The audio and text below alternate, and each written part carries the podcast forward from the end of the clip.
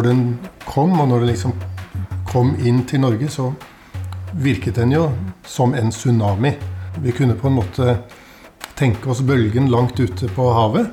Og, og så kom jo liksom bølgen kanskje enda mer kraftfullt enn det som, som eh, vi hadde tenkt på forhånd. Og da er det jo om å gjøre å være rask eh, i håndteringen, samtidig som man må ha et blikk på hva som skjer lenger frem i tid. Jeg heter Bjørn Gullvåg og er helsedirektør. Kanskje husker du ham best fra vårens mange pressekonferanser om koronakrisen, dresskledd og alvorlig. Men vel tilbake fra norgesferien tok Bjørn Gullvåg imot NRK hjemme hos seg selv. Hallo. Hei, velkommen. Det er kanskje ikke noe håndhilsing? Nei, nå er det dårlig med sånt. Ja. Men det er mange hyggelige måter å si hei på likevel. Ja. Ja. Det Vil du ha te eller kaffe? Eh, ja. Hva vil du ha? Nei, ta det du skal ha. Idet vi kommer inn døren, er det som å gå inn i en gammel kirke. På veggen står det Vår hjelp kommer fra Herren, himmelens og jordens skaper. For en gang tilhørte huset Kinamisjonen, men det var lenge før Kina skulle bli kjent for en pandemi som satte verden på hodet. Du sa samme som meg, ikke sant? Og Ja. da blir det latter. Da. Tusen takk. I dag. Ok. Her er danske designmøbler blandet med antikviteter, kunst og originale tapeter fra 1884. De herskapelige omgivelsene skapte en del oppmerksomhet da Gullvåg var på TV fra stuen da han havnet i karantene. Du vet, den eh, karantenen som rammet alle helsetoppene da det ble kjent at assisterende helsedirektør Geir Stene Larsen var koronasmittet. Men det kommer vi tilbake til. Når gikk alvoret i det som skjedde, opp for deg? Jeg tror eh, alvoret eh, gikk eh, opp for meg og oss ganske tidlig i januar. Og det at vi hadde et helt nytt virus i verden, når den opplysningen kom ut fra Wuhan i Kina, så skjønte vi at dette kunne bli veldig alvorlig.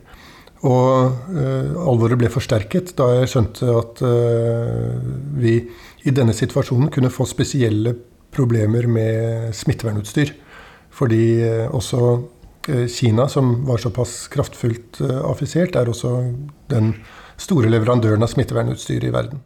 På bordet står mørk sjokolade og druer i høye glasskåler. Passelig Grete Rode-godteri for en mann på over 60 som er hjerteoperert og ansvarlig for nordmenns helse. Den mørke dressen som vi er vant til å se ham i, er byttet ut med klogger, shorts og en hjemmestrikket ullgenser. Så var den dressen også mest en eh, uniform som han mente passet til rollen som øverste leder i en folkehelsekrise.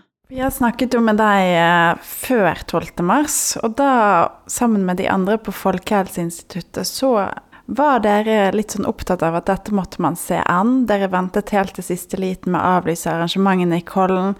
Dere virket litt motvillige med å innføre hilseforbud. Kan du beskrive litt hvordan det gikk da fra de dagene den helgen 6., 7., 8. mars til første dødsfall av covid-19 skjedde 9. mars i Norge? Nei, første innleggelse, mener jeg. Og så, da, tre dager seinere, kom det veldig strenge tiltak. Hvordan var de dagene for deg? Ja, de, var, de var veldig intense, og det handlet eh, om å forsøke å forstå det som skjedde nærmest fra time til time. Og også forsøke å, å oppdatere seg på hva som eh, fantes av informasjon eh, ute på nettet fra Verdens helseorganisasjon, fra det europeiske smittevernbyrået. Vi visste jo nå at eh, smitten ville komme til Norge. Og nå, nå var ikke det noe som var helt selvsagt et par uker i forkant av det igjen, fordi Verdens helseorganisasjon hadde egentlig sagt at deres primære mål var å klare å begrense utbredelsen av smitten. Altså ikke eh, klare å hindre at det skulle smittes liksom, til alle verdens land. Men eh, i begynnelsen av mars så ble det nokså tydelig at eh, det var heller det å klare å begrense hvor utbredt smitten skulle bli, og hvor mange som skulle bli syke. Hvorfor var det så mange som eh, tok feil om hvordan denne pandemien utviklet seg? Både helse, Verdens helseorganisasjon og politikere og eh, helsemyndigheter i en rekke land trodde eh, nok kanskje ikke, som du sier, at det kom til å bli så eh, rask spredning som det ble. Hva kom det av at man liksom ikke så det for seg? Jeg tror det var en veldig usikkerhet eh, om hva dette viruset ville eh, Hvordan det ville oppføre seg. Og mm, det var mye som var usikkert eh, i eh, begynnelsen av mars, og det er fremdeles en del usikkerhet rundt dette viruset. Og, så vi måtte på en måte ta høyde for at eh, det kunne være ganske mange ulike situasjoner som kunne oppstå. Og så legge planer og handle ut ifra det. Men det, jeg tror vi må huske at når, når, det kommer en sånn ny pandemi med et helt nytt virus eller et annet biologisk agens, så er det veldig, veldig mye usikkerhet. Og uh, det forsøkte vi å formidle også. Å si at det er veldig mye vi ikke vet om dette viruset. Og det kan være at det oppfører seg annerledes enn det vi tror. Men vi må gjøre det vi kan for å hindre at vi får veldig alvorlige konsekvenser i Norge. Helsedirektoratet fikk ansvaret for å fatte de beslutningene om de første tiltakene. Fikk eh, byråkrater som deg selv, eh, du som helsedirektør og andre i toppledelsen på Helsedirektoratet, fikk dere for mye makt de dagene?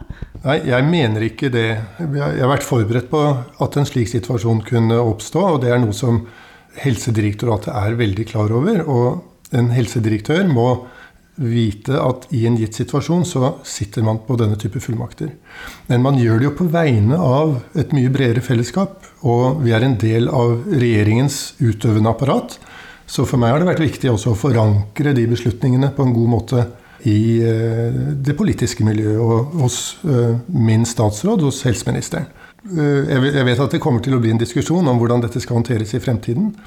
Men jeg tror det kan være klokt at det er en uh, tung faglig vurdering i en helt innledende fase når vi får en, slikt, uh, en slik pandemi som kommer så raskt. Gullvåg sier at han liker å samarbeide med mennesker som har andre egenskaper enn ham selv, men hjemmet hans tyder på at han er en ganske allsidig fyr. I hagen utenfor ligger det to kajakker og en kano. I stuen henger det et maleri av tremenningen Håkon Gullvåg. På peisen står en akvarell som Bjørn Gullvåg selv har malt av kona Trine, i kajakk, i duse gule og blågrønne toner. Klaveret står inntil en vegg i stuen fra 1800-tallet. Men du, har hørt at du spiller litt piano? Litt piano, ja, jeg gjør det. Ja, kanskje vi får høre litt etterpå? Nei, det tror jeg ikke. Jobber litt. Kanskje vi får høre Espen Nakstad-sangen på piano? Espen Nakstad-sangen hadde vært fin, eh, men den eh, kan jeg nok dessverre ikke. Mm. I oppveksten måtte Gullvåg og søsknene gjette hvilken komponist som ble spilt i bakgrunnen under middagen. Etter hvert får vi overtalt ham til å spille, selv om han klager over stive fingre og lite øving. Gullvåg henter frem patetikksonaten, Beethovens åttende klaversonate, i c-moll.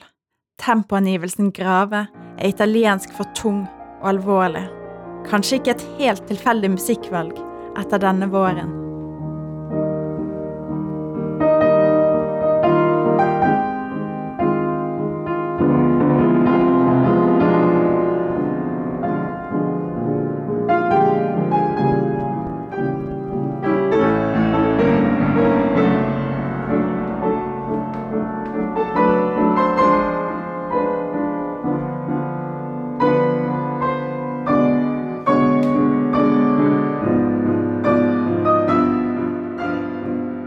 Geir Stene Larsen fikk fritak fra kravet om karantene etter at han kom hjem fra Spania for å tre inn som assisterende helsedirektør da Norge stengte ned. Så viste det seg at han var smittet av koronaviruset. 40 personer ble sendt i karantene, deriblant alle toppene i Helse-Norge. Øyeblikket da det gikk opp for Gullvåg hva konsekvensene av fritaket ble, har brent seg fast. Nei, jeg, eh, jeg hadde vel bygget opp en, en liksom ekstrem energi i forkant eh, og var veldig fokusert. Og så kjente jeg at nå, nå var det akkurat som noe raknet litt. Og eh, piffen gikk litt ut av meg i noen eh, minutter. Mener Gullvåg i dag at det var en god avgjørelse å gi Stene Larsen karantenefri? Det er jo også noe som jeg tror andre skal uh, vurdere, og jeg skal være ydmyk i forhold til det. Men jeg tror faktisk fremdeles at uh, basert på den kunnskapen vi hadde den gangen, at uh, det var en riktig avgjørelse.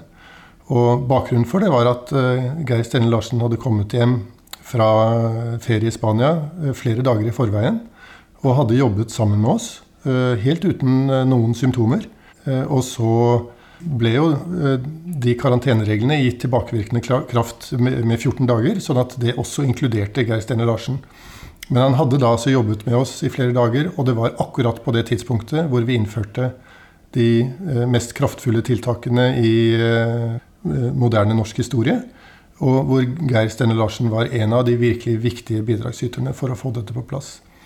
Men uh, her vil det sikkert uh, være andre som har uh, synspunkter på det. Og jeg skal naturligvis være ydmyk i forhold til det som blir konklusjonen i den diskusjonen som kommer. Da krisen sto på som verst, inntok kona Trine Myhrvold rollen som tradisjonell husmor for å få det til å gå rundt. Hun strøk skjorter, sørget for at han spiste, og dro ham med ut på tur hver kveld. Månedene da Norge stengte, var en påkjenning. Men hva har vært det beste øyeblikket for Gullvåg denne våren? Det som har gledet meg mest, er jo nettopp det at uh, vi har fått til så mye. Men da, og det har vært en så enorm godvilje fra alle parter. Gullvåg løfter frem fylkesmenn, Folkehelseinstituttet, folk flest, spesialisthelsetjenesten, regjeringen og sine egne kolleger i Helsedirektoratet når en skal fordele rosen. Og eh, jeg ble lykkelig da vi fikk så kraftfull støtte da det herjet som verst fra kongehuset. Syns jeg også var eh, utrolig hyggelig, og det satte medarbeiderne vet jeg, i helsetjenesten og i Folkehelseinstituttet og direktoratet veldig Vi satte veldig stor pris på det. Måtte du lære noen nye hygieneregler med pandemien? Ja, ikke nye hygieneregler, men, men eh, du vet, som, som leder så er en av tingene som man forsøker å få til, det er å bli kjent med folk. Og jeg har vært i mange møter hvor jeg har tatt mange, mange mennesker i hånda, sett dem i øynene og tenkt at det har no, en verdi. Og så har vi da i etterkant av det, kanskje uten å vaske hendene, så har vi gått til buffeen og bidratt til at smitte spres eh, til veldig mange.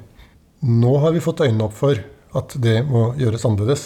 Og det håper jeg også blir eh, resultatet når vi går ut av denne pandemien. At vi i hvert fall er flinkere til å vaske hendene etter sånne runder enn eh, det vi har vært. Og kanskje skal vi også tenke på om vi bør opprettholde det der med håndhilsing som eh, den eneste måten å bli godt kjent på. Sier du at du vurderer at håndhilsing bør fjernes? Nei, ikke fjernes, tror jeg. Jeg tror det er altfor sterkt. Men det er kanskje sånn at i noen situasjoner så har det vært veldig viktig å håndhilse på veldig mange. Altså at Vi har liksom tenkt at det er måten å bli kjent på. Men uh, det er kanskje andre måter enn et uh, ærlig håndtrykk, som man vel sier, som uh, også gjør at man kan bli godt kjent. Og det, her har vi kanskje noe å lære av andre kulturer som, som har andre måter å hilse på. Mange syns det er ganske vanskelig å ikke vite hvor lenge vi må leve med denne pandemien som en del av samfunnet. Hva vil du si til de? Og hvor lenge må vi regne med å leve med det? Jeg, jeg skjønner veldig godt at det er uh, vanskelig. Og ikke minst så uh, jeg, tenker jeg ofte på de uh, som har yrker som er veldig avhengig av å samle mennesker. heldigvis så har vi gode støtteordninger i Norge og det gjør at veldig mange klarer seg i en slik situasjon. Men det er, det er kjempekrevende. Og så er det eh, naturligvis litt surt at ikke vi som eh, skal kunne dette, vi kan ikke si når sluttdatoen er. Uh, og i verste fall så vil uh, dette viruset etablere seg som noe som vi må leve med i mange, mange år fremover. Eh, og I beste fall så kan vi klare å få en vaksine kanskje i løpet av eh, et halvt til ett år. Og, eh, og, at vi da i etterkant av det i veldig stor grad kan avvikle mange av disse tiltakene.